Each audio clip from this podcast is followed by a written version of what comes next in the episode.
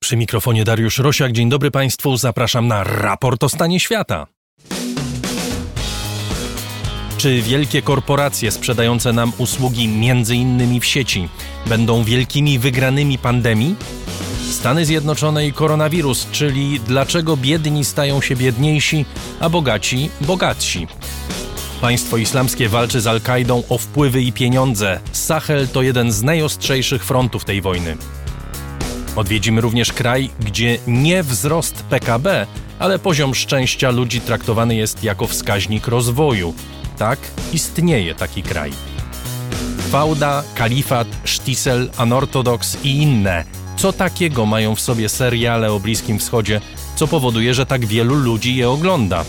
Opowiemy też historię francuskiego seryjnego kłamcy, który specjalizował się w badaniach seryjnych morderców i robił na tym oszałamiającą karierę do czasu.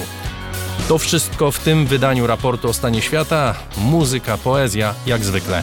Proszę też pamiętać, że to jest Państwa audycja w całości finansowana przez słuchaczy za pośrednictwem serwisu patronite.pl. Zapraszam do włączenia się do zbiórki. Zapraszam też na naszą stronę raportostanieświata.pl. Zapraszam do słuchania playlisty Raport Rosiaka i jego muzyka na Spotify. A teraz zapraszam do słuchania programu. Chris Wawrzak jest realizatorem, Agata Kasprolewicz wydawcą raportu o stanie świata.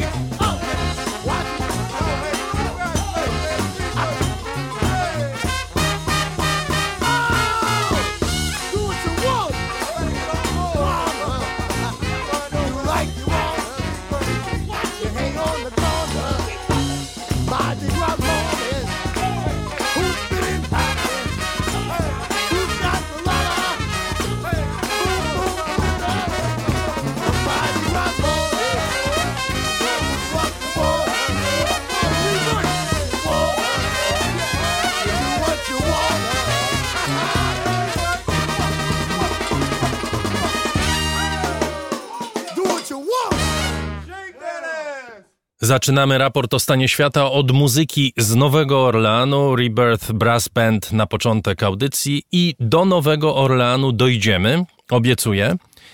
O tym, że świat pandemiczny się zmienia i ma zamiar zmienić się nie do poznania, wiemy, bo non-stop zasypywani jesteśmy takimi opiniami. Gorzej, kiedy przychodzi odpowiedzieć na pytanie, jak mianowicie się zmienia. Nie wiemy. Nasze prognozy oparte są w bardzo dużej mierze na niepopartych niczym konkretnym przypuszczeniach. Nie wiemy nawet, czym dokładnie jest koronawirus, jakie jest jego działanie, jaką śmiertelność powoduje. Jednak niektóre zjawiska, a może siły, rzeczywiście wydają się przejmować kontrolę nad naszym życiem. Weźmy nowoczesne technologie. Całe dnie spędzamy obecnie przed komputerem i nie jest to już owoc naszego wyboru, ani nawet obsesji, ale najczęściej konieczność. Nie da się pracować bez komputera w czasach koronawirusa. I tutaj pytanie, kto na tym zyskuje i w jaki sposób, jest bardzo zasadne. Rządzący wchodzą coraz częściej w sojusze z wielkimi korporacjami, takimi jak Google czy Microsoft. Na przykład na początku maja taki sojusz zapowiedział burmistrz Nowego Jorku Andrew Cuomo i były szef Google'a Eric Schmidt. Technologia, jak mówili na briefingu prasowym, ma być wpleciona w każdy aspekt naszego życia. Cieszyć się czy bać, a może po prostu zachować ostrożność. To są pytania, które zadam naszemu gościowi, a jest nim dr Jan Zając, badacz trendów technologicznych, a także prezes firmy Sotrender. Dzień dobry panu. Dzień dobry. Jakby pan y, miał opisać kierunki, czyli trendy, które zmieniają nasze życie przy pomocy technologii przez niecałe trzy miesiące od marca, to co by znalazło się na tej liście? No, przede wszystkim znacznie więcej obszarów naszego życia przeniosło się w bardzo przyspieszonym tempie do internetu czy do sfery bezkontaktowej. Począwszy od płatności w sklepie, gdzie coraz częściej płacimy kartą czy wręcz telefonem, albo w ogóle nie płacimy w sklepie, bo kupujemy przez internet. Yy, aż po sferę kontaktów ze znajomymi, współpracownikami, lekarzami, szkołami, nauczycielami, które to no, w wymuszony sposób stały się wyłącznie albo przede wszystkim w tym momencie online'owe. I mamy sytuację, w której te zmiany zaczynają być traktowane, proszę mnie poprawić, bo być może to jest e, zbyt daleko posunięty wniosek, oparty zresztą na pewnym tekście, do którego za chwilę dojdę. Te zmiany e, nie są traktowane jak konieczne ograniczenia, których wkrótce się pozbędziemy i powróci ten normalny świat, który znaliśmy, ale jako zapowiedź nowego świata, gdzie rzeczywiście nie wiemy za bardzo, czy będziemy się dotykać fizycznie. Jak mówi się często, nie wiadomo, czy ludzie dalej będą sobie podawać dłonie, ale na pewno będziemy dotykać komputer. Naomi Klein, bo do jej tekstu nawiązuje, pisze, że żyjemy w żywym laboratorium dla trwałej i rodzącej bardzo wysokie zyski przyszłości bezdotykowej. Człowiek ma stanowić w tej przyszłości zagrożenie, a maszyna nie. Jak pan ocenia tego typu opis? Czy za daleko są to posunięte wnioski? Naomi Klein jest bardzo dobra publicystycznie, stylistycznie. Moim zdaniem od pewnego czasu przynajmniej trochę przesada, przesadza już wyolbrzymiając różnego rodzaju wizje, które wspomina, no ale też dlatego się to dobrze czyta, dlatego o tym rozmawiamy chociażby dzisiaj, tu i teraz. W pełni się zgadzam z tym, że ten świat już nie będzie taki sam i nie tylko ze względu na narzucone jakieś ograniczenia przez epidemię, ale też dlatego, że bardzo wielu z nas, a może faktycznie wszyscy w ciągu ostatnich dwóch miesięcy, a w innych krajach, czasem nawet w dłuższym okresie, wypróbowaliśmy nowych sposobów życia w różnych obszarach i się okazało, że część z tych sposobów jest całkiem fajna i pożyteczna. Proszę zwrócić uwagę, że nagle się okazało, no, znacznie więcej kupujemy w internecie, kupujemy dobra, których wcześniej nie kupowaliśmy i w wielu przypadkach to jest prościej, szybciej, taniej. Nawet taka prosta rzecz codziennego życia. Wielu z nas z wielu rozmów słyszę, że nagle się okazało, że zakupy spożywcze wystarczy raz w tygodniu zrobić, nawet mając sporą rodzinę. I znacznie mniej czasu na to schodzi niż wcześniej. W przypadku pracy, no, bardzo wiele firm pracowników w sposób wymuszony wypróbowało tak zwaną telepracę czy pracę zdalną, i też dla niektórych osób jest to fajne urozmaicenie. W bardzo wielu organizacjach się teraz myśli, że niezależnie od ograniczeń yy, związanych z epidemią, przyszłością będzie taka forma hybrydowa, która dla mnie osobiście też mi się bardzo fajnie w moim życiu sprawdza. Niektóre dni z biura, niektóre dni z domu, albo z jeszcze innego miejsca, też w zależności od tego, co jest do zrobienia. A nie widzi tam, pan w tym zagrożenia? To znaczy, nie widzi pan zagrożenia w świecie bez listonoszy, w którym nauczyciele no na przykład trzy razy w tygodniu, a nie pięć razy w tygodniu kontaktują się ze swoimi uczniami e, przez internet, no bo łatwiej, bo nie trzeba wychodzić. Lekarze potrafią zdalnie ocenić, czy jesteśmy chorzy, czy nie, bo za chwilę wprowadzimy takie aplikacje, które to pozwolą. Ja już nie mówię o samochodach, które bez względu na pandemię, czy, czy by jej było, czy by nie było, to same by się prowadziły. Ale nie wiem, nie będzie sztuki oglądanej na żywo, wspólnych przeżyć, wspólnych emocji. To wszystko, szczerze mówiąc, rodzi no, u niektórych przerażenie, u niektórych co najmniej wiele wątpliwości.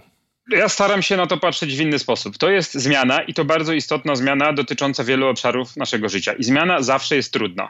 Niezależnie od tego, czy się na nią godzimy, czy nie, a tutaj ta zmiana jest w wielu aspektach wymuszona.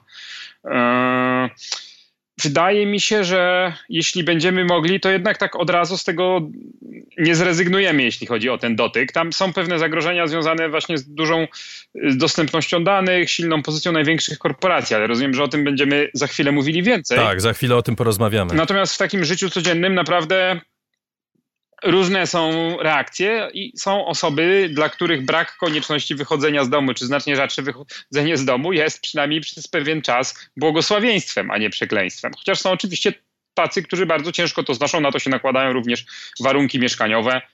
Nie wszyscy mieszkamy w wielkich rezydencjach jak amerykańscy milionerzy. Na to nakładają się różnego rodzaju sytuacje rodzinne, stresy i tak dalej.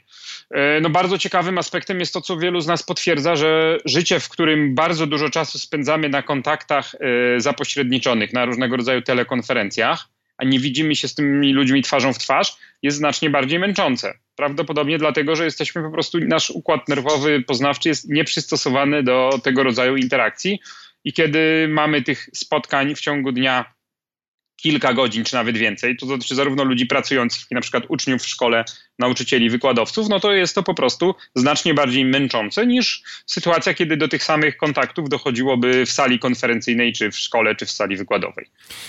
No i do tego oczywiście dochodzą koszty społeczne, to znaczy likwidacja miejsc pracy w sklepach. Nie będzie tych pań, które siedzą w tej chwili za kasą, będzie mniej nauczycieli, będzie mniej kierowców, właśnie mniej listonoszy, mniej ludzi, którzy do tej pory byli nieusuwalnym elementem naszego życia, prawda? No ale przepraszam, tutaj się z panem nie zgodzę, bo tak, jeśli chodzi o sklepy, to po pierwsze to już postępowało i kas automatycznych jest coraz więcej, a te złe te korporacje technologiczne z Amazonem na czele tutaj wiodą prym we wprowadzaniu technologii tego typu. Nawiasem mówiąc, przed wybuchem kryzysu przecież duże sieci handlowe w Polsce dość często miały problemy z rekrutacją pracowników, przez co też praca tam, która jeszcze parę lat temu była postrzegana jako złe, złą pracę, złe miejsce pracy. Nagle się okazało, że oni dostają nagrody w różnego rodzaju konkursach pracodawców, a kasjerzy w sieciach supermarketów mają lepsze zarobki niż urzędnicy czy nierzadko nauczyciele. Także to te trendy nie są takie proste. To, co pan wspomniał, czyli listonoszy będzie mniej. Znaczy być może będzie mniej, dlatego że już znowu, już przed kryzysem ludzie nie chcieli pracować jako listonosze, ponieważ no, nie jest to najlepsza, najłatwiejsza praca, a teraz jeszcze wychodzi y, mało, słabo płatna, jeszcze raz zachodzi zagrożenie epidemiologiczne. A teraz nagle się okazuje, że kurierów potrzeba bardzo dużo, kierowców też potrzeba. I wiele osób się właśnie na kurierów, na kierowców przekwalifikuje, tylko że część osób nie chce pracować w ten sposób ze względu na epidemię, ze względu na jakieś różne inne aspekty. W tym świecie, mimo wszystko, pewne rzeczy zaczynają zanikać, czy pewne zawody zaczynają zanikać, czy pewne zjawiska zaczynają zanikać, oparte na dotyku, oparte na bezpośredniej y, komunikacji. Jednej rzeczy jest znacznie więcej, to znaczy śladów po tym, co robimy. I, i to są ślady zwykle nieusuwalne i to nieusuwalne nigdy. Jakie tutaj zagrożenie pan widzi? Wie pan, może nawiążę do tego, co było przed chwilą. E, kwestia nauczycieli. Pan wspomniał, że nauczycieli będzie mniej. Znaczy, ja mam nadzieję, że nauczycieli będzie więcej, ponieważ y, nauka w takich klasach wirtualnych jest trudniejsza, przynajmniej przez pewien czas. I tak naprawdę, żeby to fajnie funkcjonowało, żeby słuchaczy, dzieci można było zaktywizować, to tych nauczycieli pomocników nauczycieli powinno być więcej. Chociaż niestety trochę y, mój sceptycyzm każe mi mówić, że pewnie również rzeczywiście na nauczycielach ktoś będzie chciał oszczędzić i wtedy jakość edukacji obawiam się się dramatycznie pogorszy. To oczywiście będzie zależało od kraju, prawda? Bo w kraju, w którym stawia się na nauczycieli i stawia się na edukację, y, znajdzie się prawdopodobnie sposoby na to, aby poziom jej, mimo zmiany metody, nie stawał się coraz niższy, tylko stawał się coraz wyższy, bo to też pewnie jest do utrzymania. E, wcześniej nam mówiono, i ta narracja, że tak powiem, była przyjmowana, że chodzi o wygodę, o skuteczność, te wszystkie rzeczy, o których Pan wspomniał, które zaczęły się y, już wcześniej przed COVID-em. To to jest jakby istotą tego wkraczania nowych technologii do naszego życia. Chodzi również o indywidualizację produktu, prawda? Każdy może mieć taki produkt, jaki chce, dopasowany dokładnie do naszych oczekiwań. Teraz przeskakujemy w zupełnie inną strefę i ta opowieść się zmienia. To znaczy, mamy opowieść, w której firmy takie jak Google czy jak Microsoft, takie jak fundacja, nie wiem, Gatesów, stają się instytucjami, które ratują nam życie. To też jest ciekawe, prawda? Przynajmniej chciałyby, tak, tak. Wie pan, jeszcze kończąc ten wątek edukacji, to jest bardzo ciekawe. Znowu, przecież kto nam zabrania myśleć, że to jest szansa, że jeśli nauka i tak ma być zdalna, czy częściowo zdalna, to dlaczegoż by najlepsze uniwersytety w kraju, czy nawet na świecie, czy najlepsze szkoły w stolicach nagle nie mogły być dostępne dla młodzieży, dla dzieci z całego kraju, czy nawet z całego świata? Dlaczego Harvard czy Stanford mają mieć tysiące studentów, a nie miliony studentów? W przypadku zdalnych form nauczania jest to jak najbardziej możliwe. Oczywiście zbyt długo żyję na tym świecie, żeby wierzyć, że to tak wszystko fajnie, optymistycznie pójdzie. Niemniej jednak różnego rodzaju masowe formy nauczania online Scan y, Akademii na czele są upowszechniane od dawna i warto też się temu przyjrzeć. Potencjalnie znowu, y, nic nie stoi na przeszkodzie, poza oczywiście chęciami, środkami i odpowiednią organizacją, żeby wykorzystać to jako szansę na poprawę dostępu do edukacji y, dzieci, młodzieży z różnych środowisk, z odległych miejscowości. Chociaż to, tak jak powiedziałem, co wyjdzie, to zobaczymy. To, co pan mówił a propos cyfrowych śladów, no to jest właśnie też niezwykle interesujące, bo rzeczywiście od dawna mówi się o tym, dyskutuje, debatuje i dobrze, że w sytuacji, kiedy wiele aktywności naszych życiowych, od wizyty u lekarza przez zrobienie zakupów, aż po czytanie książek czy oglądanie filmów, dzieje się drogą elektroniczną, rzeczywiście zostawiamy znacznie więcej śladów i co więcej, te ślady znacznie łatwiej zbierać, przetwarzać, analizować. I spotyka to się z drugim trendem, kiedy oczywiście świat internetu jest opanowany w dużym stopniu przez kilka największych firm. Fajne jest, że nowe firmy powstają, mogą zaistnieć, szybko zyskać odbiorców z całego świata. Sam taką firmę współtworzę i bardzo wiele zalet widzę, ale tym niemniej wiele cech rynków internetowych sprawiło, że y, kilka dużych korporacji w świecie zachodnim i następnych kilka w świecie chińskim, bo proszę trzeba pamiętać, że tam ten internet jest ciągle trochę inny, y, może sprawuje kontrolę jest złym słowem, bardziej mówię, że kilka dużych korporacji ma bardzo duże przychody i działa w bardzo wielu obszarach. I rzeczywiście pierwsze dane, wnioski pokazują, że w sytuacji epidemii, i proszę pamiętać, że również kryzysu na giełdach, oni stają się jeszcze silniejsi tam wielka czwórka, wielka piątka, czy dziesiątka, w zależności od to, jak na to patrzeć, takie rodzaju korporacje jak Alphabet, czyli właściciel przede wszystkim Google'a, Facebook, Apple, Amazon, y, Netflix, oni jak najbardziej zyskują w bardzo różnych płaszczyznach i wymiarach. I jak zwykle przy takiej okazji pojawiają się pytania o możliwość kontroli i konieczność kontroli tych firm. W tym tekście Naomi Klein, e, w tekście, który dla wszystkich patronów jest dostępny w przeglądzie prasy, który Państwu wysyłam, a dla wszystkich słuchaczy jest dostępny, bo znajduje się w Guardianie między innymi. Ona zwraca uwagę na ten sojusz polityczno-korporacyjny. My już w tej chwili, proszę sobie przypomnieć, jeszcze kilka miesięcy temu pytaliśmy o to, czy zastanawialiśmy się, w jaki sposób Facebook czy Twitter niszczą obieg informacji, jak rozpowszechniają fake newsy, jak przez lata nic nie robiły, aby powstrzymać E, te procedery.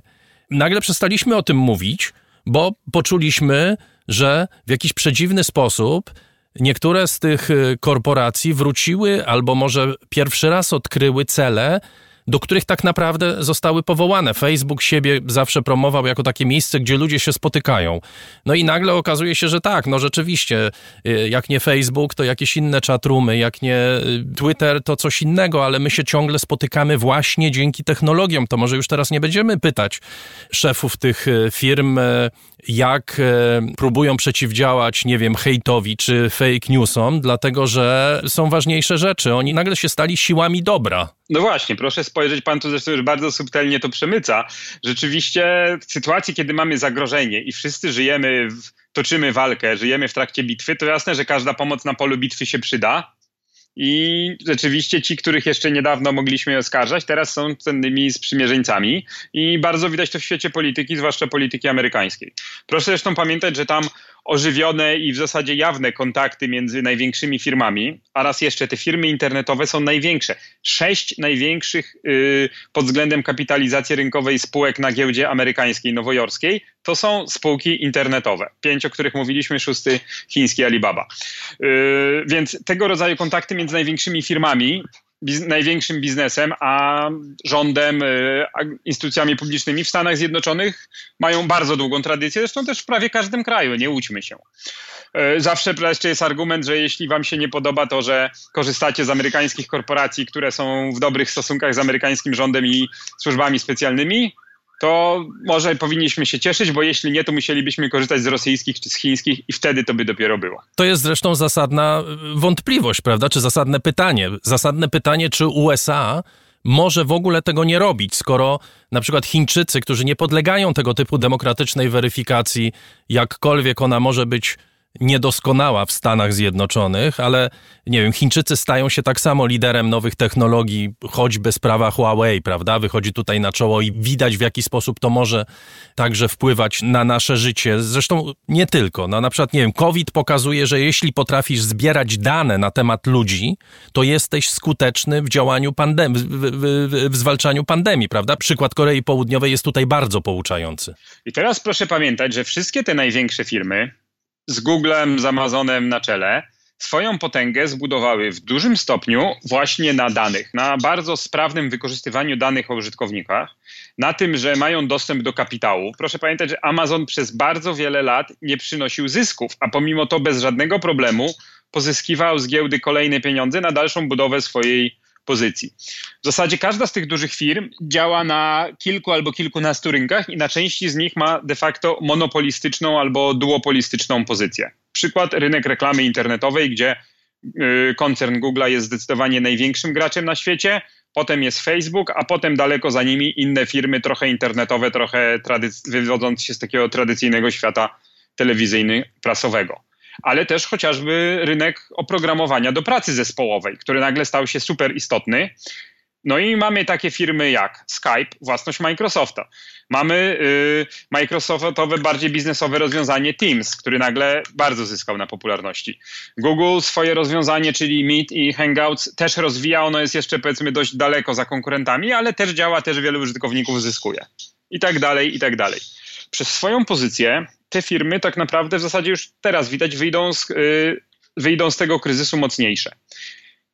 I tak zarabiały pieniądze. Gdyby miały jakieś problemy, mają praktycznie nieograniczony dostęp do kapitału, a pamiętajmy, że teraz kredyty są nieoprocentowane, a za chwilę może się okazać, że wręcz takie duże firmy mają dostęp do niemalże ujemnie y, oprocentowanego pieniądza. Y, one działają na bardzo wielu rynkach, więc nawet jeśli część tych rynków będzie jakoś dotknięte negatywnie przez epidemię, to będą też takie, które będą dotknięte pozytywnie gdzie znowu na przykład reklama internetowa w długiej perspektywie nie straci, bo jeszcze większa część działań marketingowych się do internetu przeniesie. E, no i w dodatku, tak jak już pan tutaj wspomniał, różnego rodzaju kontakty z podmiotami publicznymi. Microsoft w Polsce również ma bardzo mocną pozycję. Zresztą też e, polskie szkoły, polskie urzędy w bardzo dużym stopniu korzystają, korzystają z oprogramowania Microsoftu, co swoją drogą jest jak najbardziej często uzasadnione, bo to jest po prostu dobre oprogramowanie. Pamiętajmy jeszcze jedną rzecz. To jest nie tylko kwestia wykorzystania danych. Od paru lat dane poza taką możliwością budowy bieżących przewag konkurencyjnych mają jeszcze jedno świetne zastosowanie. Tak zwana sztuczna inteligencja, czy bardziej konkretnie budowa modeli uczenia maszynowego. E, żeby takie rozwiązania wprowadzić, trzeba mieć duże środki. To jednak jest dość drogie. Długo trwa y, tworzenie takich modeli, wiem, bo my też w firmie tworzymy, ale trzeba też mieć odpowiednie dane.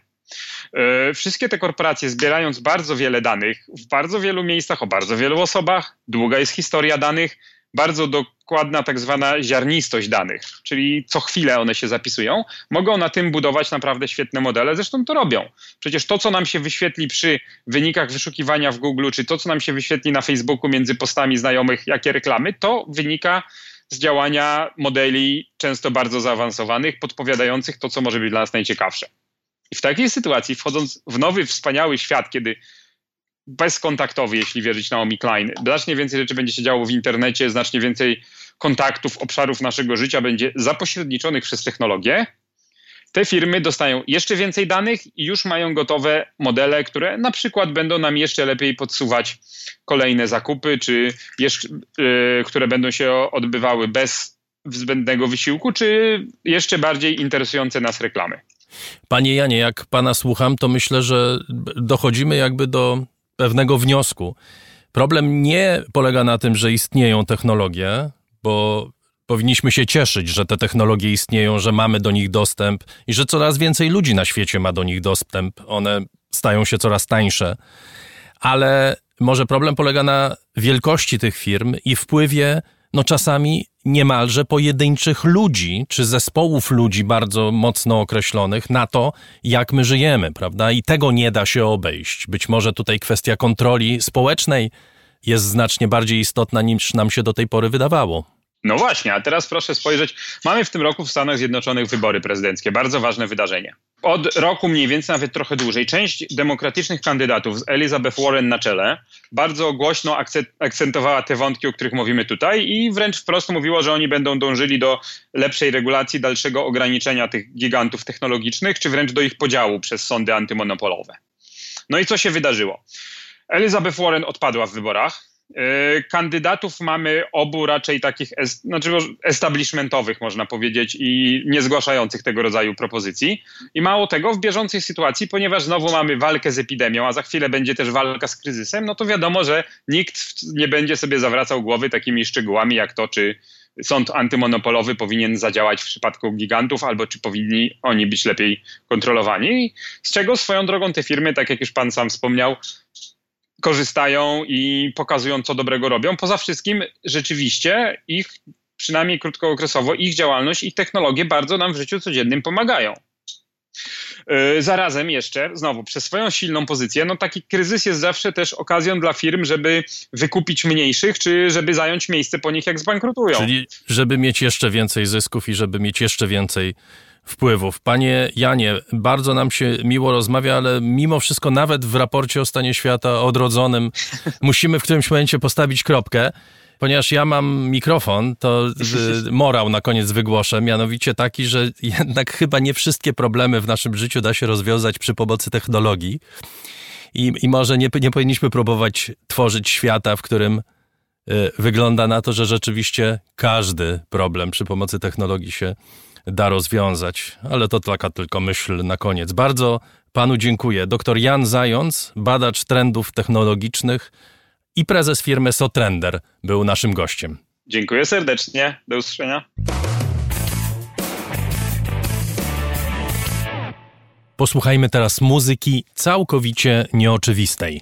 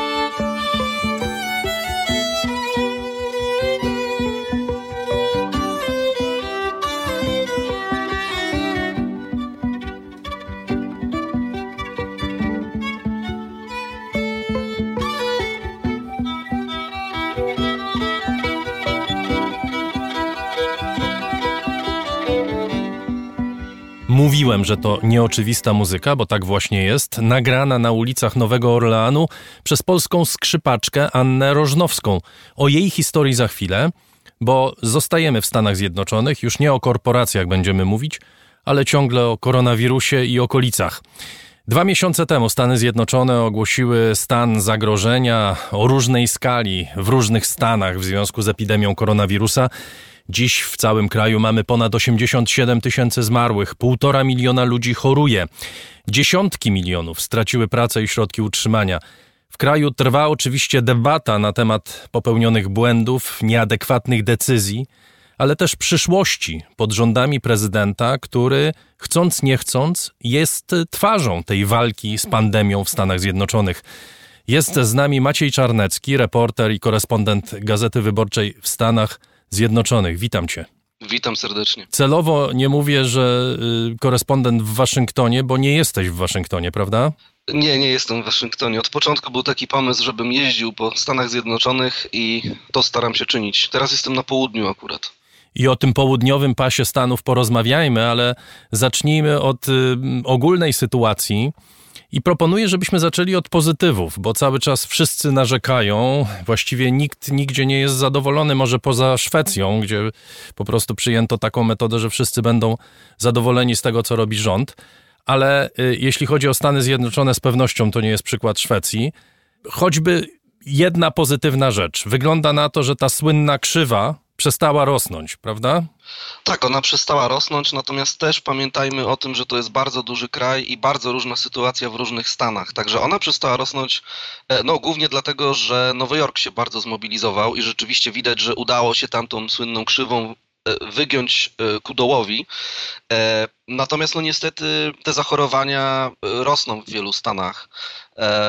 I to też w takich stanach, które się otwierają, które otwierają, odmrażają gospodarkę. Teksas tu jest dobrym przykładem. Przecież e, e, ileś dni już powyżej tysiąca zachorowań e, dziennie, a stan się otwiera. Także w, no, te perspektywy dla Stanów Zjednoczonych jednak nie są ciekawe, niestety. Czy Amerykanie uważają, że podjęto choćby kilka, niewiele, ale choćby jakieś trafne decyzje?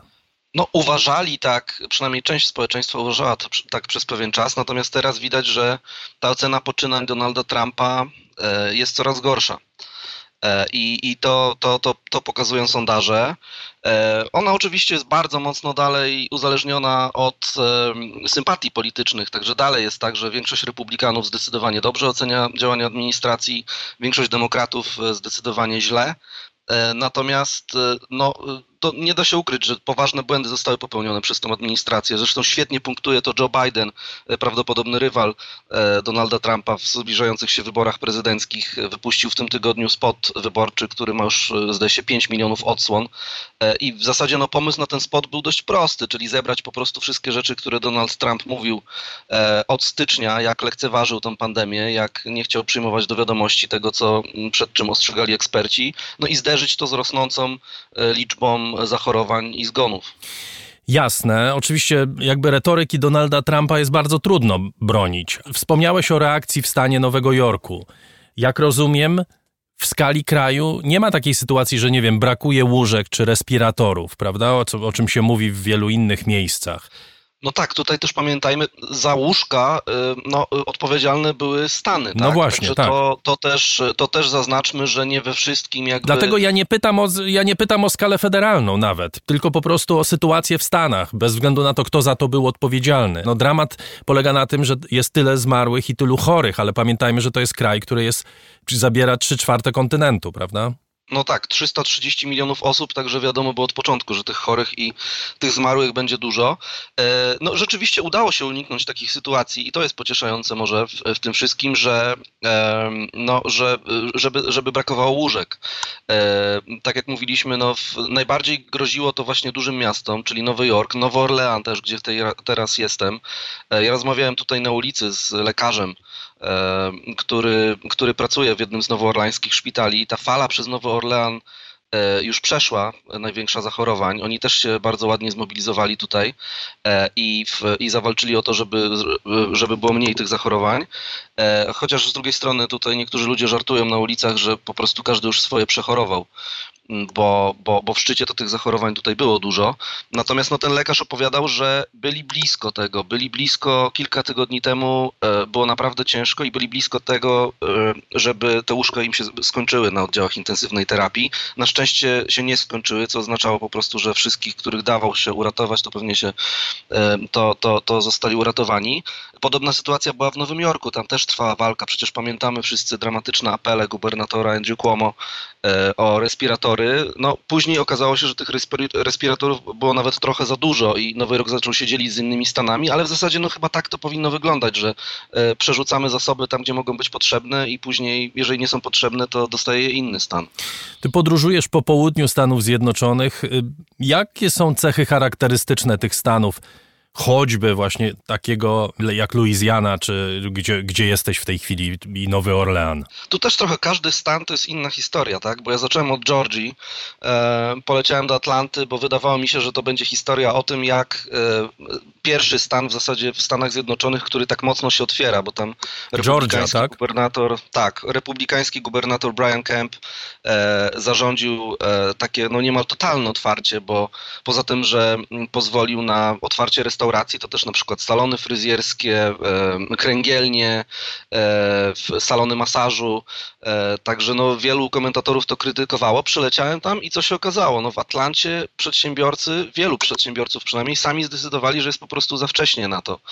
E, także ja tam chodziłem po tych ulicach i, i, i widziałem po prostu jeszcze drzwi zamknięte, wszystko zatrząśnięte na głucho.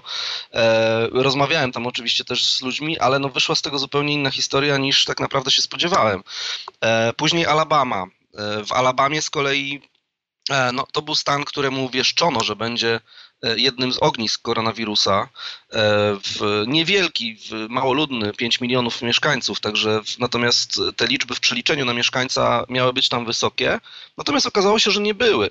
E, I Alabama sobie całkiem wyśmiewana w zasadzie w Stanach Zjednoczonych jako ta kraina wieśniaków, e, Alabama całkiem dobrze się sobie poradziła podczas tej pandemii. To była kombinacja i działań władz, e, i tego prostego faktu, że Alabama po prostu nie ma dużych miast.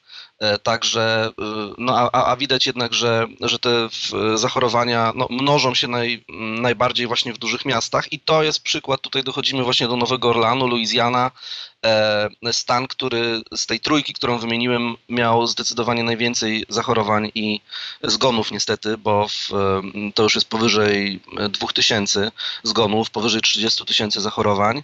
E, I tutaj Nowy Orlean. E, Nowy Orlean właśnie no, mocno się do tego przyczynił.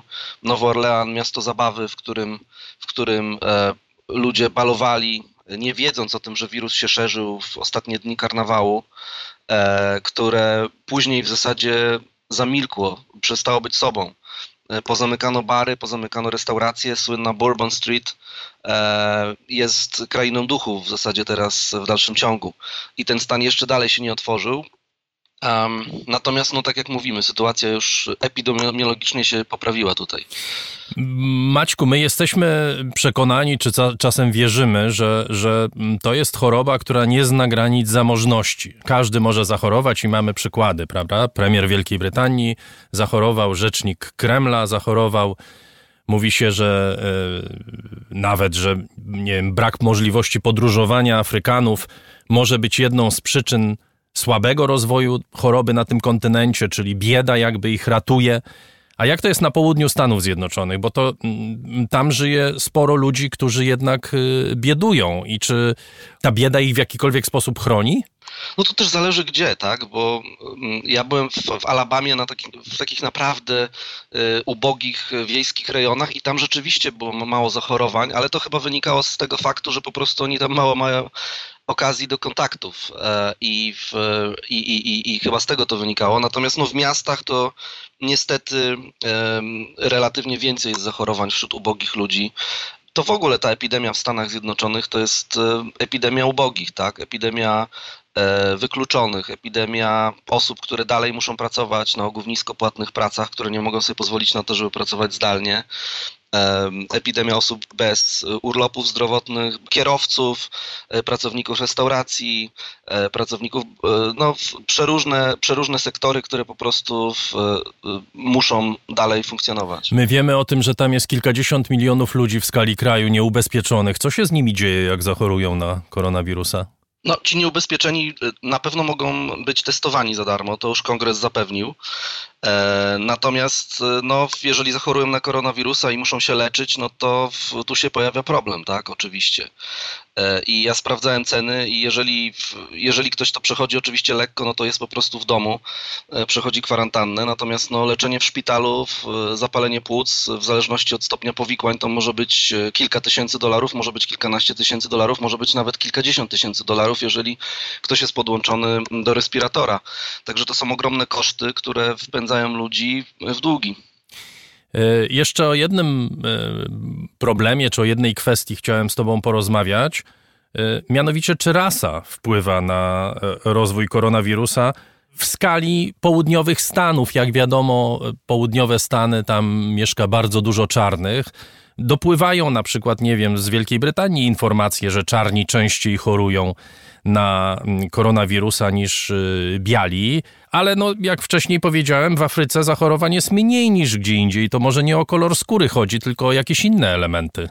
Tak, tych zachorowań w Stanach Zjednoczonych wśród Afroamerykanów też jest więcej i to pokazują dane z różnych miast, z Nowego Jorku, z Chicago, z Nowego Orleanu też, bo pamiętajmy, że Louisiana to był e, bodajże pierwszy stan, na pewno jeden z pierwszych, które ogłosiły właśnie te statystyki z podziałem na pochodzenie etniczne e, i, w, no i, i, widać tutaj to również na południu bardzo wyraźnie, także w, no ale to też nie ma się co dziwić, bo jeżeli mówimy, że jest to epidemia ubogich i wykluczonych, no to y, te, te warunki socjoekonomiczne czarnej ludności w Stanach Zjednoczonych są jednak gorsze niż e, białych.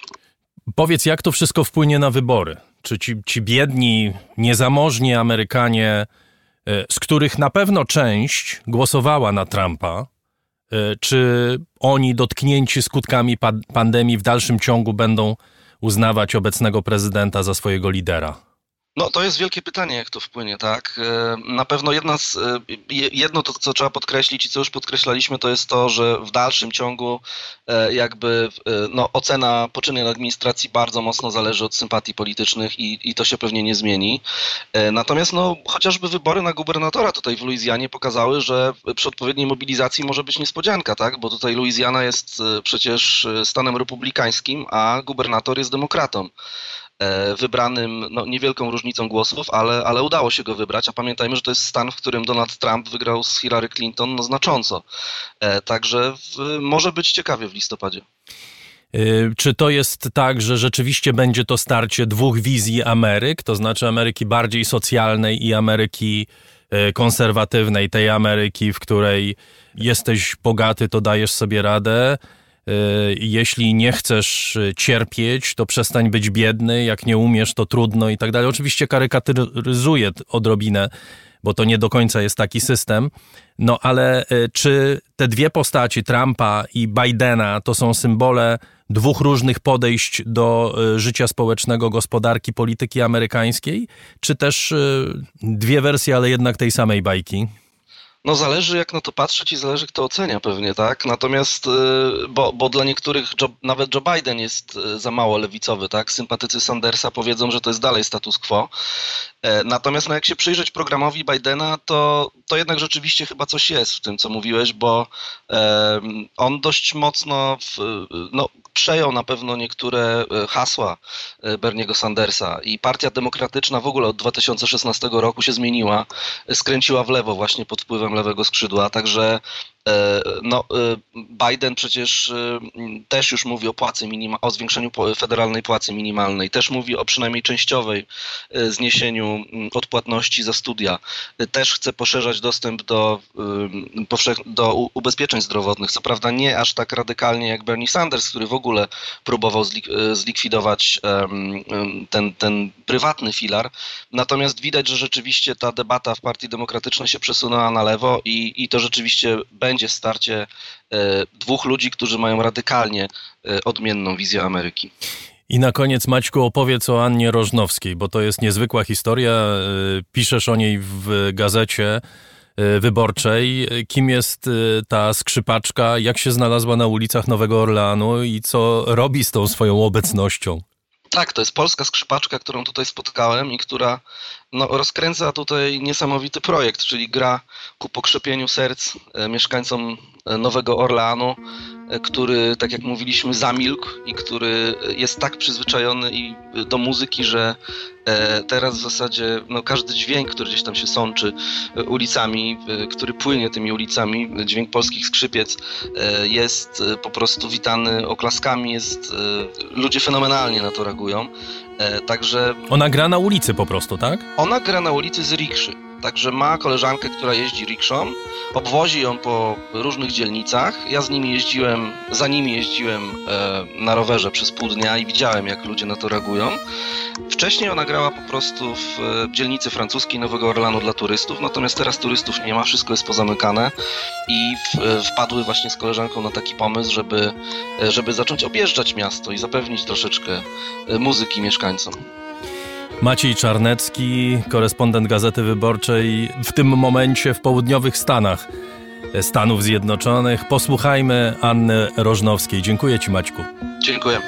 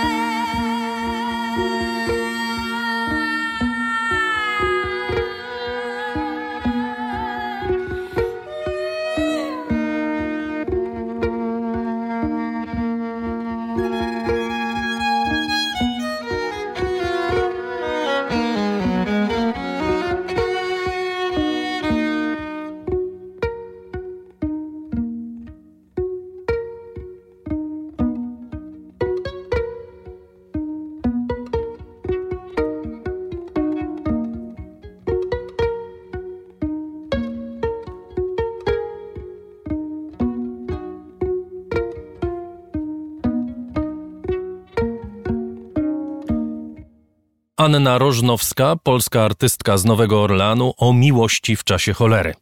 I może to jest dobry moment, żeby Państwu podziękować.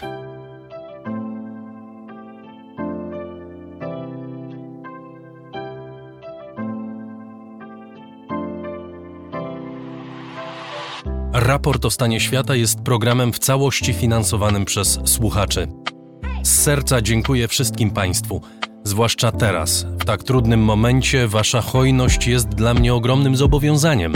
Zbiórka na patronite.pl ciągle trwa. Zachęcam do udziału w niej. Najhojniejsi patroni raportu o stanie świata to firma Prosper Sklep z Sosnowca, hurtownia elektroenergetyczna. Firma Venterm, instalacje fotowoltaiczne z Dąbrowy koło Niepołomic. Krzysztof Goszkowski, Michał Małkiewicz, a także Marcin Drąg, Mariusz Drużyński, Palarnia Kawy La Cafo z Augustowa, Tomasz Kośmider, Alan Meller, Paweł Nowy Nowak, Radio Nowy Świat, Fundacja imienia Jana Palucha, firma Software Mill, Nina i Tadeusz Szubowie z dworku Tradycja w Bełcznie, miejscu, gdzie szacunek dla drugiego człowieka i czynienie dobra są zawsze w cenie. Monika i Grzegorz Wasowscy. Gonia i Robert Zduńczyk, założyciele Fundacji Ekonomicznej Polska Afryka Wschodnia. Dziękuję bardzo. To dzięki Państwu mamy raport o stanie świata.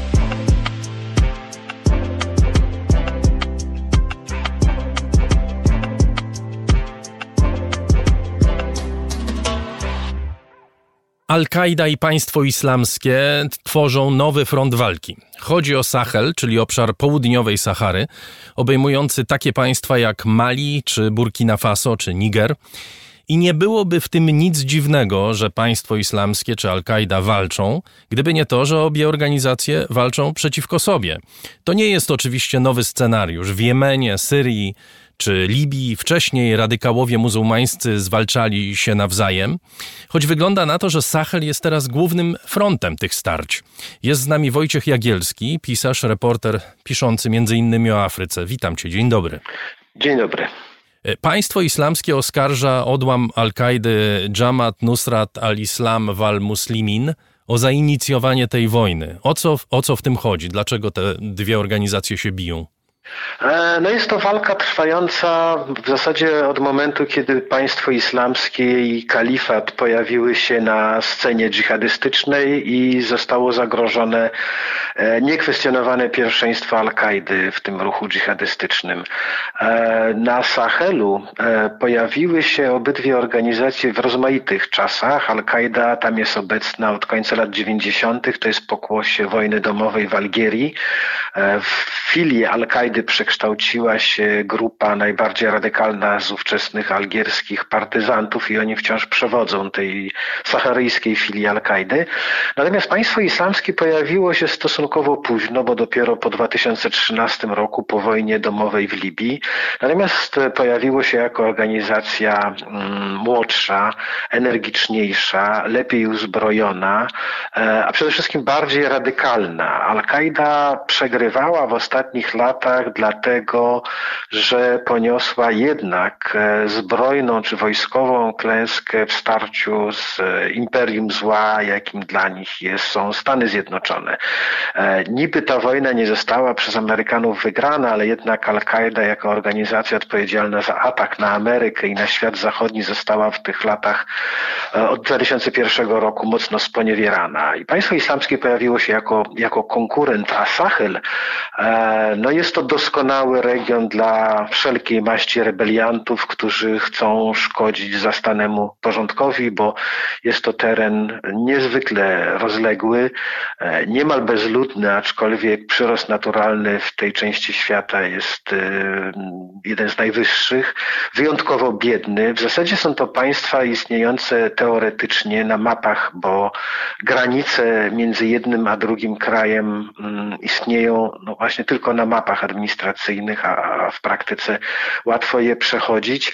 No jest to idealne miejsce na to, żeby się ukrywać, żeby mieć jakieś kryjówki dla broni, dla przemytników. Jest to świetny teren do, do prowadzenia takiej działalności, jaką chcą prowadzić dżihadyści. No. Zaraz Wojtku porozmawiamy szerzej o Sahelu, natomiast chciałem jeszcze wrócić do, do tych różnic pomiędzy państwem islamskim i Al-Kaidą, bo radykalni muzułmanie walczą między sobą w różnych miejscach na świecie, prawda? W Afganistanie nawet tak. państwo islamskie walczy z talibami, w Jemenie państwo islamskie walczy z Al-Kaidą. Ty zwracasz uwagę na to, że, że tam nie chodzi tylko i wyłącznie o te odstępstwa od ortodoksji, prawda? Kto jest lepszym, nie wiem, mujahedinem, kto bardziej trzyma się prawa szariatu. Tutaj w grę wchodzą bardzo konkretne interesy również, prawda? Niemal wyłącznie interesy, bo. Mimo, że ta ich narracja, prawda, jak w telewizji robią sobie wideo, no to głównie chodzi tylko o to, kto będzie lepszym szachidem i kto jest o, bardziej o, o, wierzący. Prze prze, przeciwnik jest apostatą, jest odszczepieńcem, grzesznikiem, e, e, przebierańcem niemalże. E, państwo islamskie oskarża o to Al-Kaidę, Al-Kaida państwo islamskie o to, że są fanatykami mordującymi muzułmanów. Więc każdy swojego przeciwnika niszczy tak, jak tylko może, a sprawa jest bardzo prozaiczna. Idzie o właśnie o te interesy, interesy polityczne, wojskowe, ale także gospodarcze. Kontrola jakiegoś terytorium na Sahelu to jest kontrola szlaków przemytniczych, gdzie można pobierać opłaty chociażby. Kontrola nad szlakiem przemytniczym to jest kontrola drogi, jaką może być dostarczana, no, dostarczane całe zaopatrzenie. To jest uzależnienie rozległych terenów właśnie od, od tego szlaku zaopatrzeniowego. E, to jest wygrywanie przeciwko sobie rozmaitych grup etnicznych, które z dżihadyzmem nie mają nic wspólnego poza tym, że wyznają islam.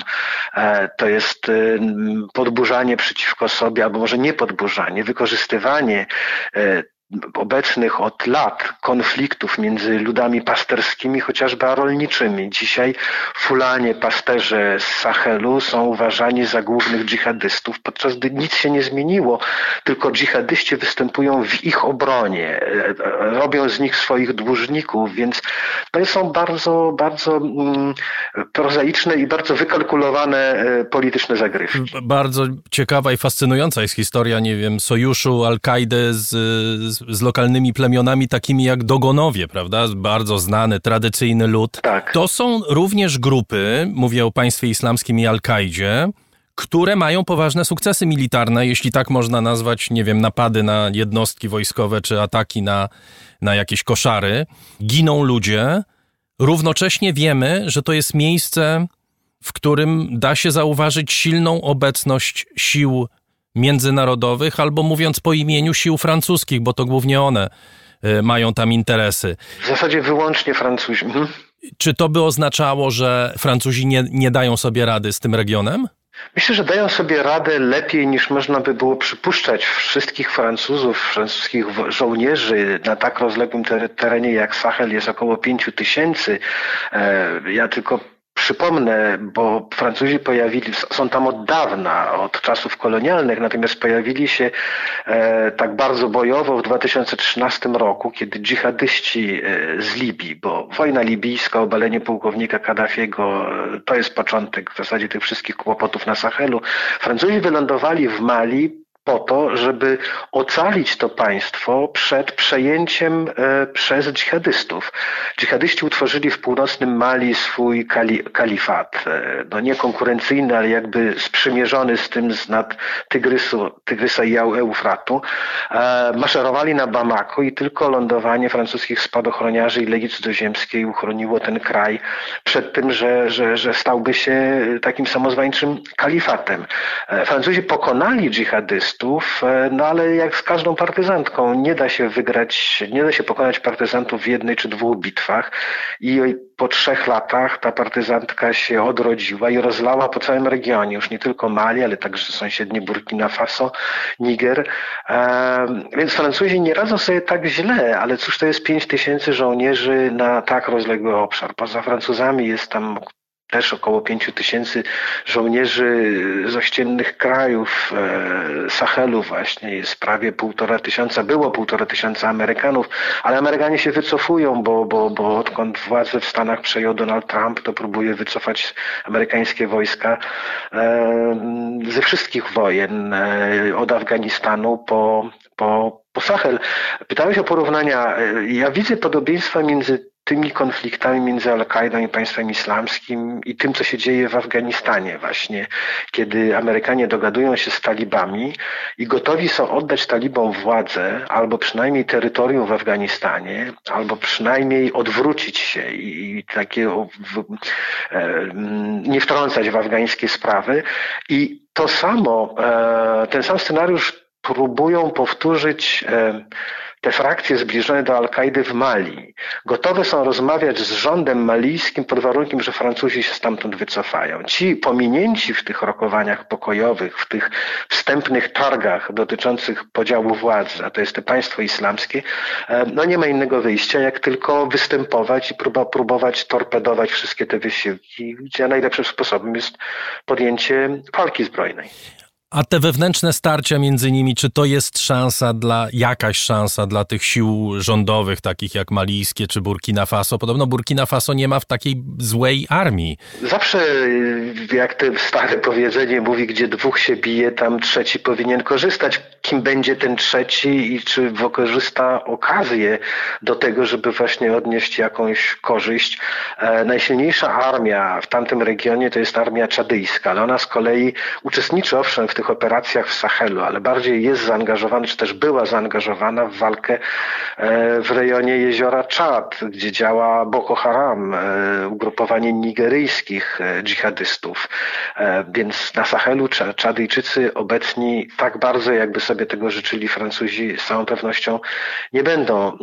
Problem z tymi wielonarodowościowymi wojskami i wszelkimi ich operacjami to jest właśnie brak decyzyjności, brak szybkiego reagowania wynikający właśnie z tego, że jest zbyt wiele osób do skonsultowania.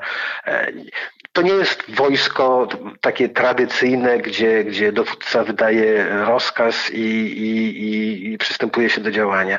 Wojska wielonarodowe zawsze są spóźnione i tak samo są spóźnione na Sahelu. Tam jest kilkanaście tysięcy wojsk pokojowych z flagą ONZ.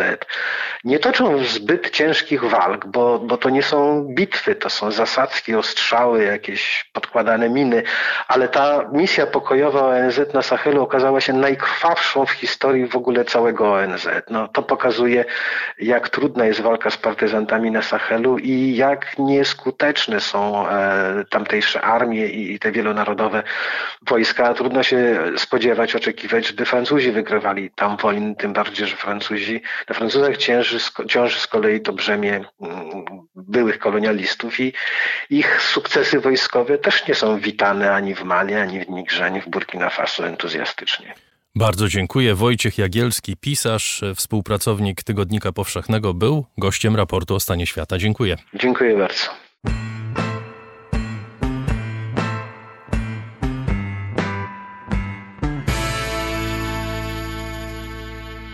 Co jest celem życia?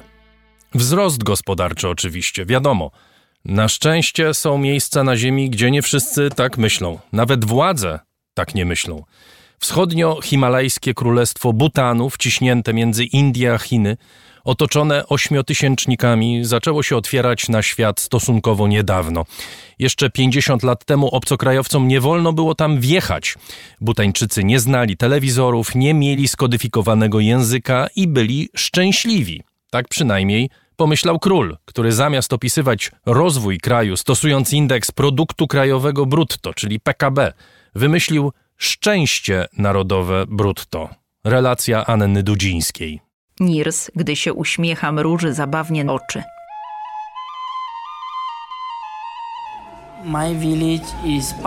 Moja wioska to Pachugan, znajduje się 187 km od stolicy w Timpu. O jego wiosce Pachugan nie znajduje żadnej wzmianki w internecie. Jest pewnie tak mała, że nie opisał jej żaden turysta, który po otwarciu Królestwa Butanu w latach 70. ubiegłego wieku wjechał do najszczęśliwszego państwa na świecie. Kraju, gdzie zamiast produktu krajowego brutto postęp mierzy się przy pomocy Światowego Indeksu Szczęścia. To musi fascynować, uważa Troj Satkowski, Australijczyk polskiego pochodzenia. Mam takie poczucie, że to nie ja wybrałem Bhutan, ale ten kraj wybrał mnie. Pewnego dnia przez przypadek uh, spotkałem się z Butańczykami i zafascynowała mnie koncepcja, że um, ktoś chce mierzyć szczęście. Jestem analitykiem, uh, zajmuję się danymi i zaciekawiło mnie, jak możemy uh, zmierzyć poziom szczęścia. Uh, w Butanie znalazłem swój drugi dom. Troj nie zna Nirsa, a Nirs nigdy nie poznał Troja. Ten pierwszy spędza w Butanie 8 miesięcy w roku i krąży między Australią a Stanami Zjednoczonymi. Ten drugi nie lubi wyjeżdżać. Uważa, że nawet w niedalekim Nepalu gubi poczucie równowagi i szczęścia. Jest przewodnikiem turystycznym i bez cienia wątpliwości potwierdza. Yes. Yes. Yes. Why? I can guarantee 90 Tak, są szczęśliwi, mogę zagwarantować. 90 do 95% Butańczyków jest szczęśliwych. Wszyscy mają zaspokojone podstawowe potrzeby. Every people they are they needs. Nie dam się tak łatwo zbić z tropu. Przecież o Butanie opowiada mi zatrudniony przez rząd przewodnik turystyczny.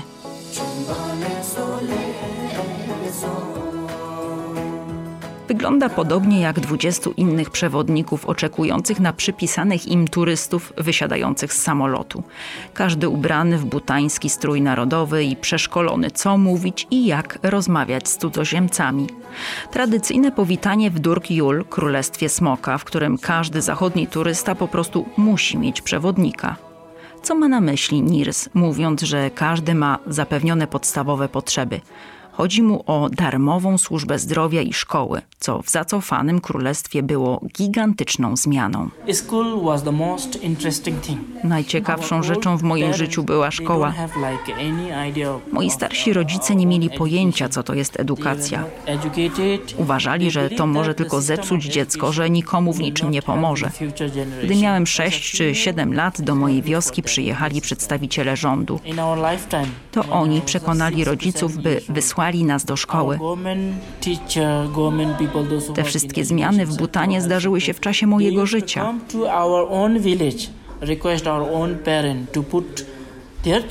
Był in the school. 1998 rok. Naprawdę bardzo, bardzo niedawno. Yeah, that was during the time of 1998. See, it is very recently.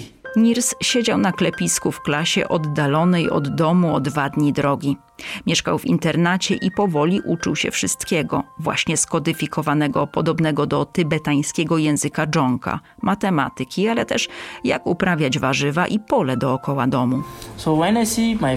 Uwielbiałem szkołę. Kiedy widziałem, że wszyscy moi koledzy idą do klasy, to cieszyłem się jak szalony.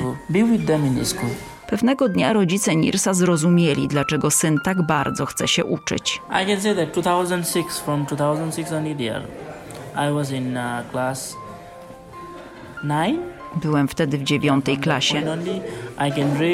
Potrafiłem już czytać i pisać i zacząłem im czytać. Wtedy po raz pierwszy zobaczyli, że ta szkoła rzeczywiście coś daje. Byli szczęśliwi. Od tego czasu zaczęli szanować moją edukację. Ale oni dalej nie wiedzą, co ja robię w Timpu. Kiedy jadę do domu, rodziców ze swoją żoną pytają, co ty tam robisz? 83.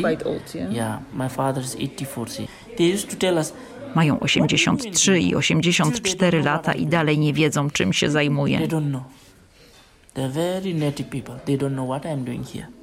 Nirs nie jest kucharzem w restauracji, nie prowadzi sklepu, nie sieje zboża, ani nie uprawia papryki. Nie buduje też domów, ani świątyń. Co zatem może robić? Pracuje w turystyce. Ale rodzice nie rozumieją. Góry są domem butańczyków, ich duszą, darem bogów, ale przecież nie mogą służyć tylko do bezcelowego spacerowania. To, czego nie rozumieją rodzice Nirsa, doskonale potrafi docenić Troj. Przyroda, dbałość o środowisko, spokój płynący z nawet nieuświadamianego wpatrywania się w góry to dla niego podstawa szczęścia butańczyków. Na filozofii indeksu Narodowe Szczęście Brutto, wymyśloną przez czwartego króla, składają się cztery filary. Zrównoważony rozwój społeczny, dobre rządy, utrzymanie narodowej kultury i dbałość o środowisko. uh. Butan jest niesamowity, dlatego że pomyślał o tych sprawach, zanim zaczęli mówić o tym wszyscy inni.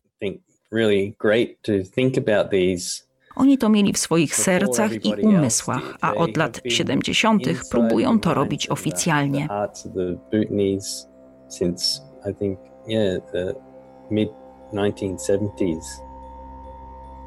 Ale niech nas nie zwiodą te idylliczne opowieści. Nawet w najbardziej pozytywnej historii przychodzą złe chwile, zdarzają się one Butańczykom i zdarzyły się też i Nirsowi. We were in love from class 6. Zakochałem się w niej w szóstej klasie six, szkoły podstawowej. six, And she was in class 5. Mówi o miłości swojego życia Nirs i zupełnie nie wiem, do czego zmierza jego opowieść. came to taught us a geography.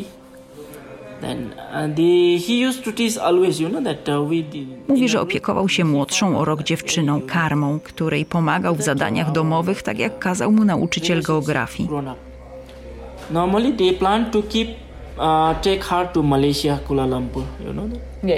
Potem przyjaźń zamieniła się w miłość. Ale po skończeniu szkoły dziewczyna wyjechała na kilka miesięcy do Kuala Lumpur. She was riding a bike, a friend. Ktoś zaatakował ją, gdy jechała na rowerze. I wtedy to się stało. There. Przez wiele dni Nirs nie miał z karmą kontaktu. So she told me that uh, her best friend that she's no more, no more. No more. Yeah, That's no all. more. Yeah, that's all. O tym, że nie żyje, dowiedział się od koleżanki. Rozpacz trwała dwa lata. Dopiero potem znalazł w sobie siłę, by szukać żony. Butańczyk myśli o śmierci pięć razy dziennie. Nirs myślał o wiele częściej. I planned that way. I don't know what my mind says. That way only. And 2016, I got married to the present wife.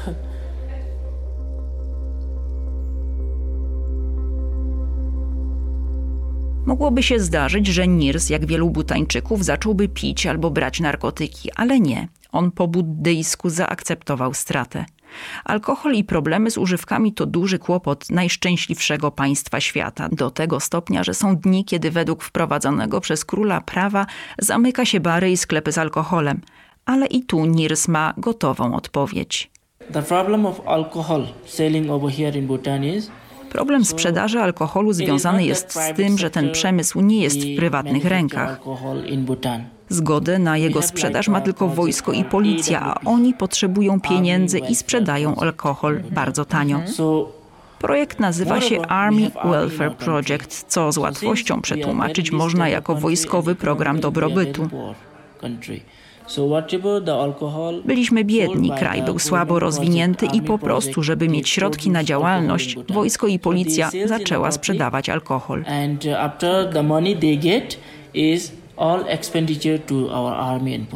Rząd Butanu otwiera teraz ośrodki dla uzależnionych i tych, którzy nie potrafią odnaleźć siebie w zmieniającej się rzeczywistości. Bo rzeczywistość zmienia się bardzo szybko wraz z turystyką i światem, który zakłócił spokój gór. Teraz pojawił się wirus. Kraj zamknięto, a wraz z nim odcięto Butańczyków od głównego źródła dochodów, czyli turystów. Niektórzy mówią, że to nic, że wszystko minie. Some are saying, well, they only uh, normally they, it's only three months of the year. Ludzie mówią, że turyści i tak tylko przyjeżdżają przez trzy miesiące w roku. to w tym roku zapomnimy o tych trzech miesiącach i zaczniemy zarabiać w przyszłym. Uh, To żaden problem, powtarzają tam niektórzy. Moja butańska wspólniczka wyjechała do swojej wioski. Tam ludzie znacznie bardziej są przerażeni wirusem niż ci w miastach. That's actually her. Can I take this call? To właśnie ona dzwoni. Just a second. Hello. Kiedy Troy rozmawia ze swoją butańską wspólniczką, zastanawiam się, czego Australijczyk, specjalista od danych, nauczył się w Butanie. Musimy nauczyć się mierzyć to, co jest dla nas ważne. Jeśli szczęście jest ważne, to powinniśmy go po prostu badać. Wprowadzenie wskaźnika szczęścia krajowego brutto przyniosło pewną świadomość. Nawet jeśli trudno jest to szczęście mierzyć, bo to dynamiczne i zmieniające się odczucie, trzeba po prostu o tym myśleć. Nieważne jak bardzo czujesz się szczęśliwa w skali od 1 do 10, poświęcasz czas na rozważania o szczęściu. Zmieniasz się i cieszysz tym, co dookoła. To wszystko doprowadziło mnie do niezbyt oryginalnego wniosku, że szczęście zabiera się ze sobą. Ono jest tam, gdzie z nim pójdziesz. A Butan nie jest oczywiście jedynym miejscem, gdzie można dokonać takiego odkrycia.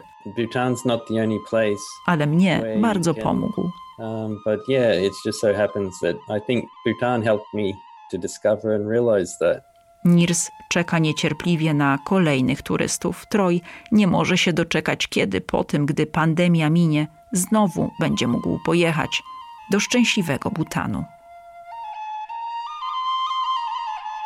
Dla raportu o stanie świata Anna Dudzińska.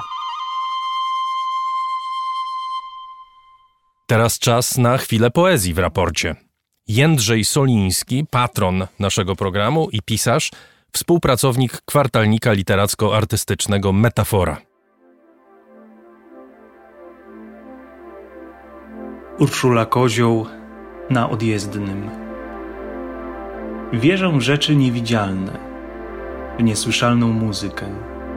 Wierzę w niewypowiedziane słowa, pozostające w domyśle i te nie do pomyślenia, choć przecież gdzieś istnieją. Wierzę w krzyk milczenia. Wierzę w zdolność przekraczania granicy, czasu i terytorium przez wiersz, który umie się unieść i z tego języka do języka innego lekko przemieścić się stopami z ołowiu. Wierzę, że nieistniejące przemieni mnie i oświeci, żeby mi się ciszej znikało z tego świata, bez płoszenia motyla zamyślonego nad kwieciem, bo niebawem być może to on stanie się mną.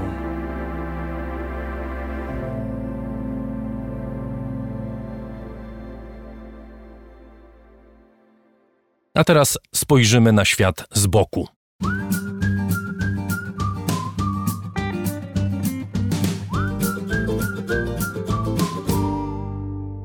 Piotr Kamiński opowie niezwykłą historię francuskiego kłamcy, który nazywa się Stéphane Bourgoin.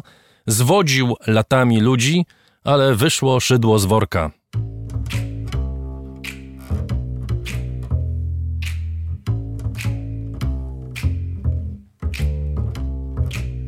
I po co mu to było? Przez 30 lat napisał około 40 książek tłumaczonych na tuzin języków o seryjnych mordercach. Jako światowej klasy specjalista w tej dziedzinie występował w mediach, pisywał w Le Monde, pracował jako konsultant przy filmach dokumentalnych, wykłady dawał na całym świecie. Jeszcze zeszłej jesieni objechał 25 miast. Wstęp na wieczór autorski 30 euro. Następne takie tournée storpedowała mu epidemia, ale tu już żadnych powrotów nie będzie. Nikt nie kwestionuje poniekąd jego ogromnej wiedzy w tej dziedzinie. Niestety jajeczko okazało się częściowo nieświeże. Stefan Bourgoin wpadł nie dzięki tradycyjnym mediom, ale dzięki kanałowi z YouTube'a, gdzie grupa dziennikarzy opublikowała w styczniu całą serię dokumentów wideo wyłapujących w jego pismach łgarstwa i sprzeczności. Wszystko to przynajmniej chwilowo zniknęło, gdyż w braku innych argumentów Bourgoin zaskarżył autorów o pogwałcenie swoich praw autorskich. Wiele mu to nie pomogło, gdyż dopiero wtedy zainteresowały się nim tak zwane poważne media. W zeszłym tygodniu Paris Match opublikował obszerny materiał na ten temat wraz z wywiadem. Wyszły na jaw zwykłe bójdy jednego serial killera ze swojej pierwszej książki. Bourgoin po prostu wymyślił, nigdy nie odbył żadnego szkolenia w FBI, nigdy nie spotkał Charlesa Mansona. Przede wszystkim jednak popełnione przez niego plagiaty, okradanie amerykańskich kolegów z owoców ich pracy.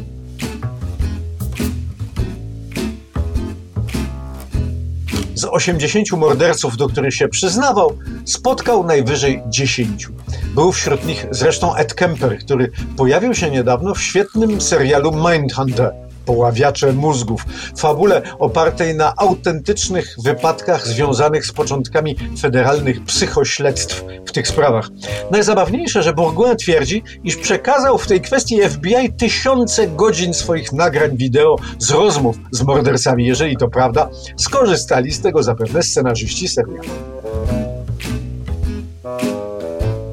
Poważny kłopot mają w tej chwili wydawnictwo Grasset, gdzie lada chwila ma się ukazać kolejna już w tej zasłużonej oficynie książka Bourguena oraz inne jeszcze wydawnictwo, które przygotowuje 30 komiksów opartych na jego opowieściach. Wygląda na to, że zaczął się nowy serial.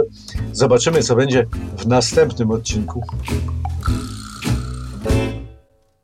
Raport o stanie świata. Zostajemy przy temacie seriali, choć nie francuskich.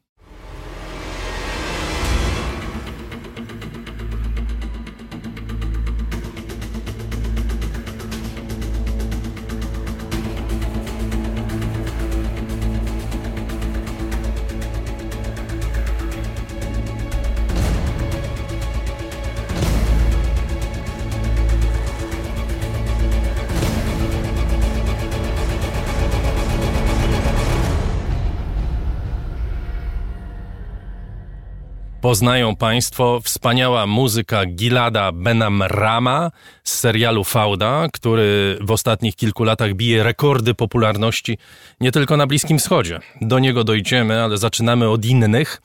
Dwa saudyjskie seriale emitowane w trakcie obecnego miesiąca Ramadanu wywołują szok i może nie przerażenie, ale na pewno niedowierzanie w świecie arabskim. Oba przedstawiają Izrael, a zwłaszcza Żydów, w pozytywnym świetle, a w jednym z nich Palestyńczycy przedstawiani są jako niewdzięcznicy wobec Saudów. Z kolei w Egipcie wielką popularnością cieszy się nowy serial science fiction, w którym Izrael zostaje całkowicie zniszczony, nie dożywszy setnej rocznicy swoich urodzin.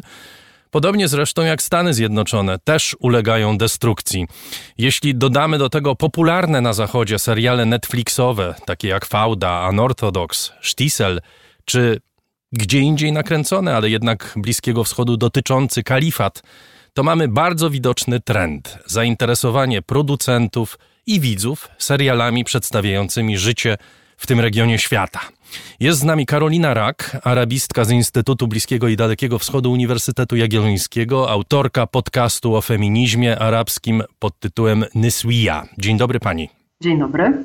Mamy Ramadan, mamy rzeczywiście, wygląda na to, wysyp seriali bliskowschodnich. Wspomniałem o tych saudyjskich i egipskim, bo one bardzo wiele kontrowersji budzą. Może od tego ostatniego zacznijmy, bo właśnie zwłaszcza ten egipski El Nahaya, czyli koniec, wywołał nawet interwencję izraelskiego Ministerstwa Spraw Zagranicznych. Dlaczego aż tak bardzo się Izraelczycy zaniepokoili? Znaczy, no, powiedzmy sobie szczerze, jeśli mamy i tutaj zresztą skądinąd te pozostałe dwa również wspomniane, jeśli one prezentują pewien rodzaj e, oglądu, na sytuację bliskowschodnią, e, to tutaj nie powinno nas w żaden sposób dziwić, że lokalne władze, władze państwowe, władze mm, wewnątrz e, tych państw będą w, jakiej, w jakiś sposób reagowały. Tu w przypadku mm, to nie tylko Izraela będzie dotyczyło. Ja może podam od razu taki zupełnie inny przykład też poniekąd troszeczkę związany. E, przykład serialu Dżin. E, niebywale, nie, niebywale ważny przykład z kilku przyczyn. Po pierwsze, jest to pierwszy tak naprawdę prawdziwie arabski serial um, przygotowany dla Netflixa. E, I ten serial również wywołał szereg różnego typu reperkusji, włącznie z tym, że prokuratura składała tam zawiadomienie, że narusza on różnego typu dobra, że jest on serialem mającym w sobie sceny obsceniczne, że jest tam wulgarny język. Mm, więc sytuacja, w której mamy reakcję, mm, czy to w przypadku Nihai, reakcję strony izraelskiej, reagującej na to, że poniekąd prezentuje się tam, e, to państwo prezentuje się również w, jakiś, w jakiś sposób zagładę tego państwa.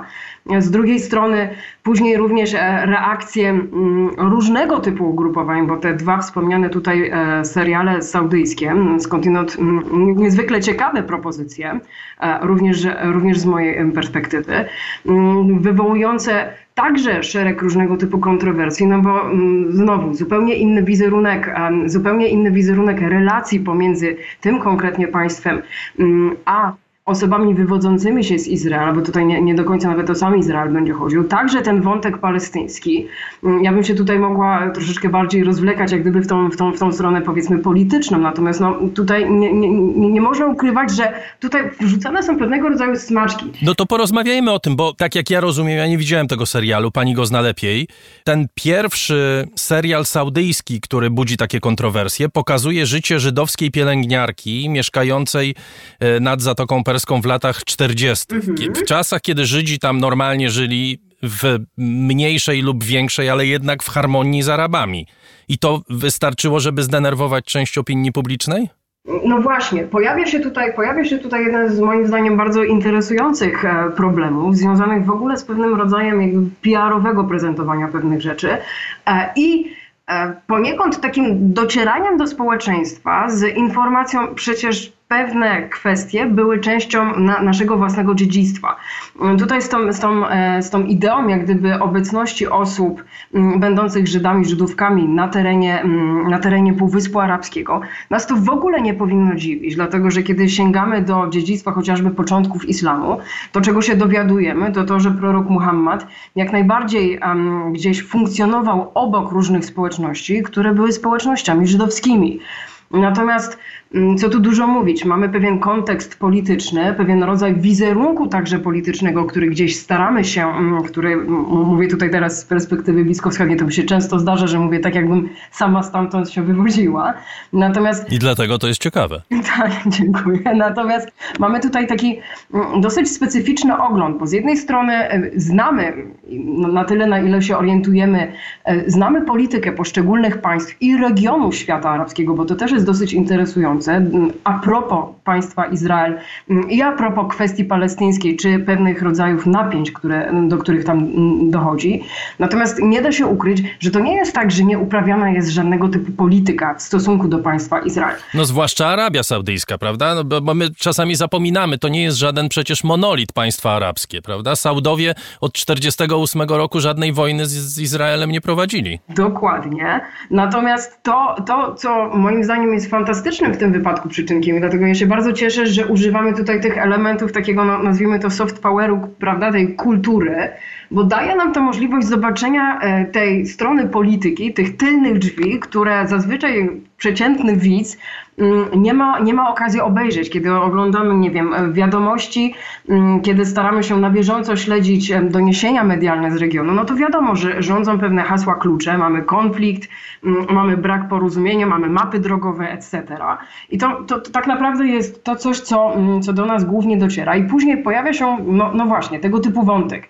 Pojawia się, czy, czy to ten, że serial Um Harun, czy pojawia się serial, ten drugi tutaj, do, do którego nawiązywaliśmy, to serial Mahrash, Saba, siódme wyjście, czy wyjście numer siedem, prawda? I tam też właśnie ten wątek poniekąd robienia biznesu z osobami wywodzącymi się z Izraela. I bardzo krytyczne podejście do Palestyńczyków, jak rozumiem. Saudowie się nimi opiekują i w ogóle Arabowie się nimi opiekują, a Palestyńczycy są niewdzięczni. To jest chyba zresztą motyw, o którym rzadko się wspomina, ale to przecież nie jest tak, że Arabowie wszyscy kochają Palestyńczyków. No, no właśnie, i, i tutaj sięgamy sedna.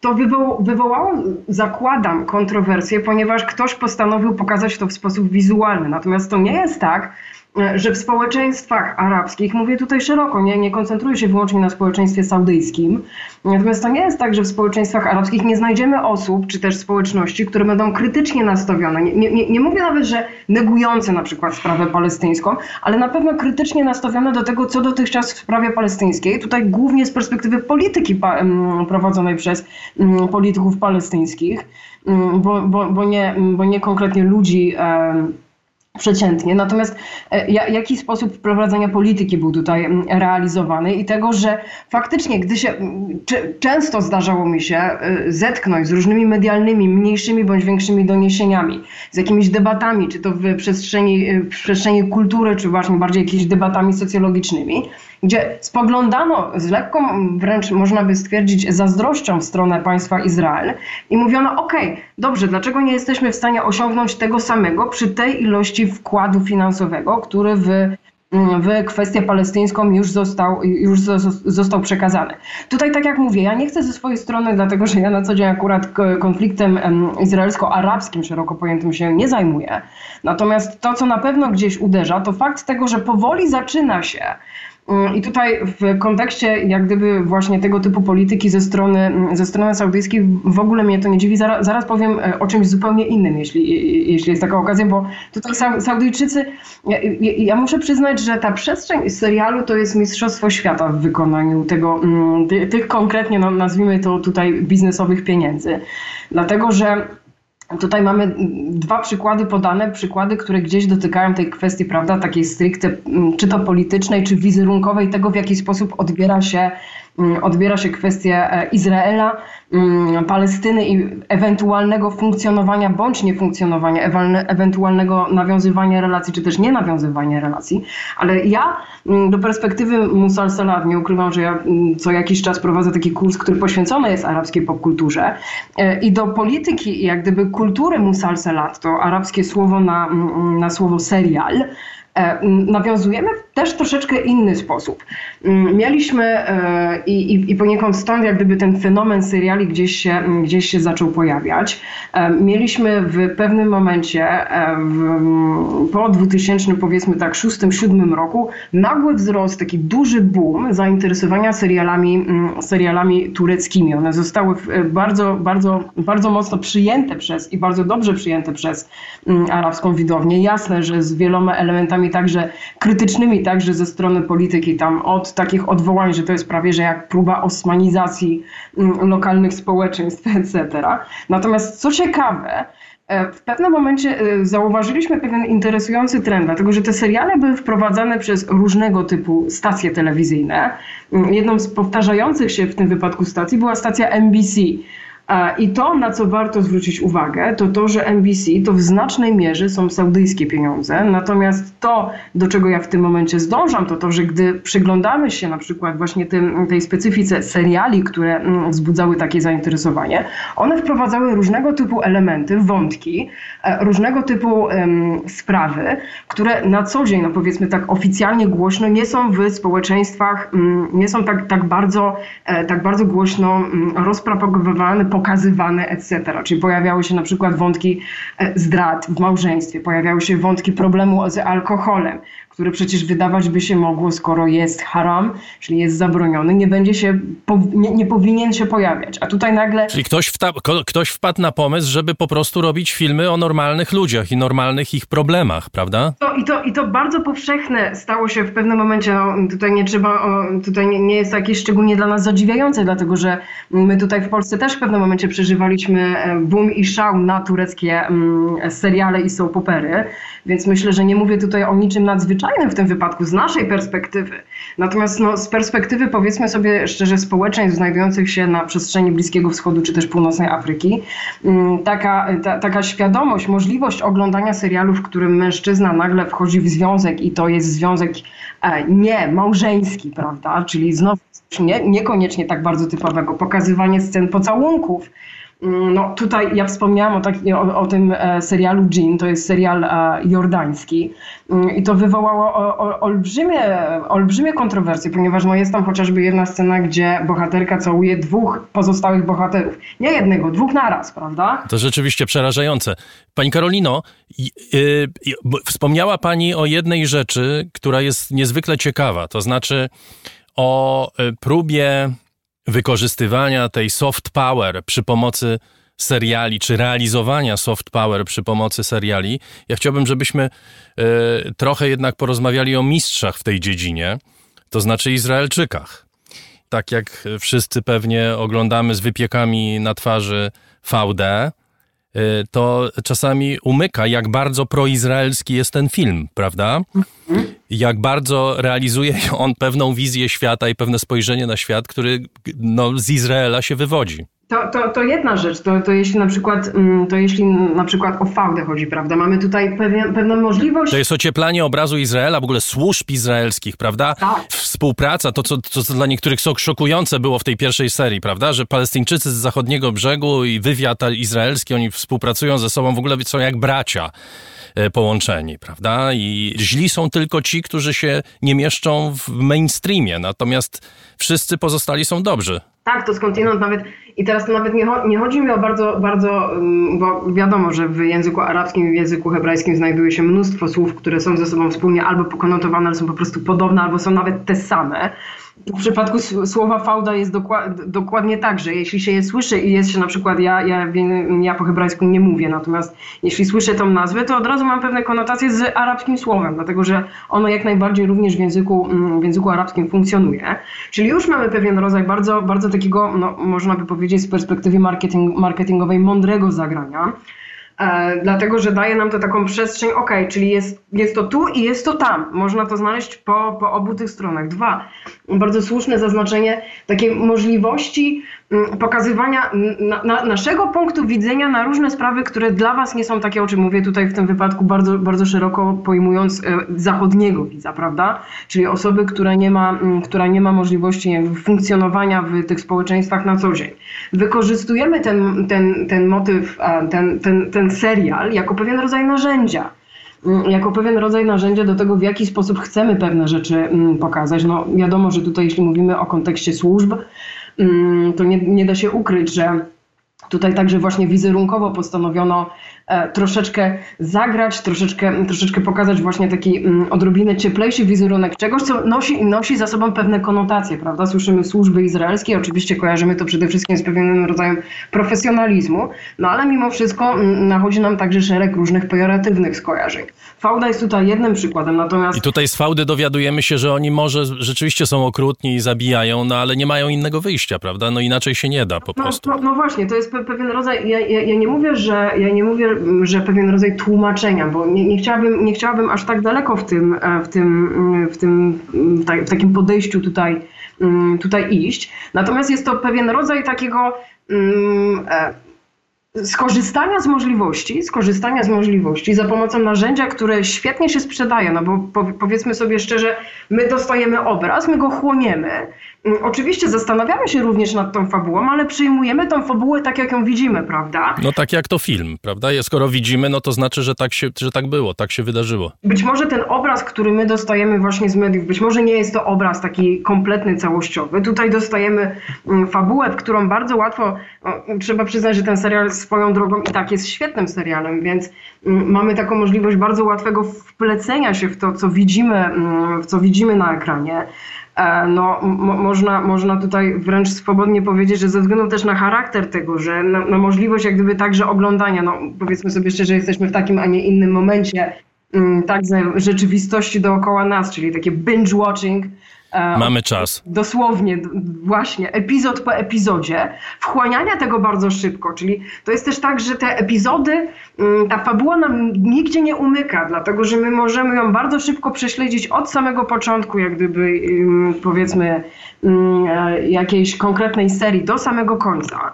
Ja myślę, że by, być może dlatego to też tak świetnie się sprawdza w tym momencie. Ja jeszcze o jedną rzecz chciałem panią spytać. Wspomniała pani, że e, nie jest pani e, hebraistką, ale w tych serialach przynajmniej dwa, jeśli nie więcej, myślę, że więcej, e, dotyczą e, ortodoksyjnych Żydów. Jeden to jest seria na- Unorthodox, drugi Sztisel. Nie będę ujawniał swoich preferencji, które ujawnię w następnym zdaniu, ale e, znaczy jeden jest Disneylandem, a drugi pokazuje Żydów ortodoksyjnych jako normalnych ludzi.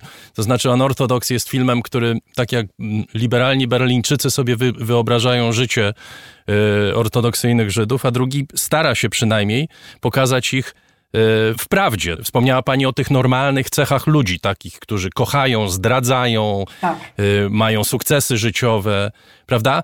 Odejście od tej karykatury Żyda ortodoksyjnego, który zresztą tak samo w Izraelu jest bardzo silnie obecny. Jedna to jest taka karykatura, która pokazuje Żyda latającego z karabinem i strzelającego do Arabów na osiedlach, a druga karykatura to jest nierób, który żyje na garnuszku państwowym.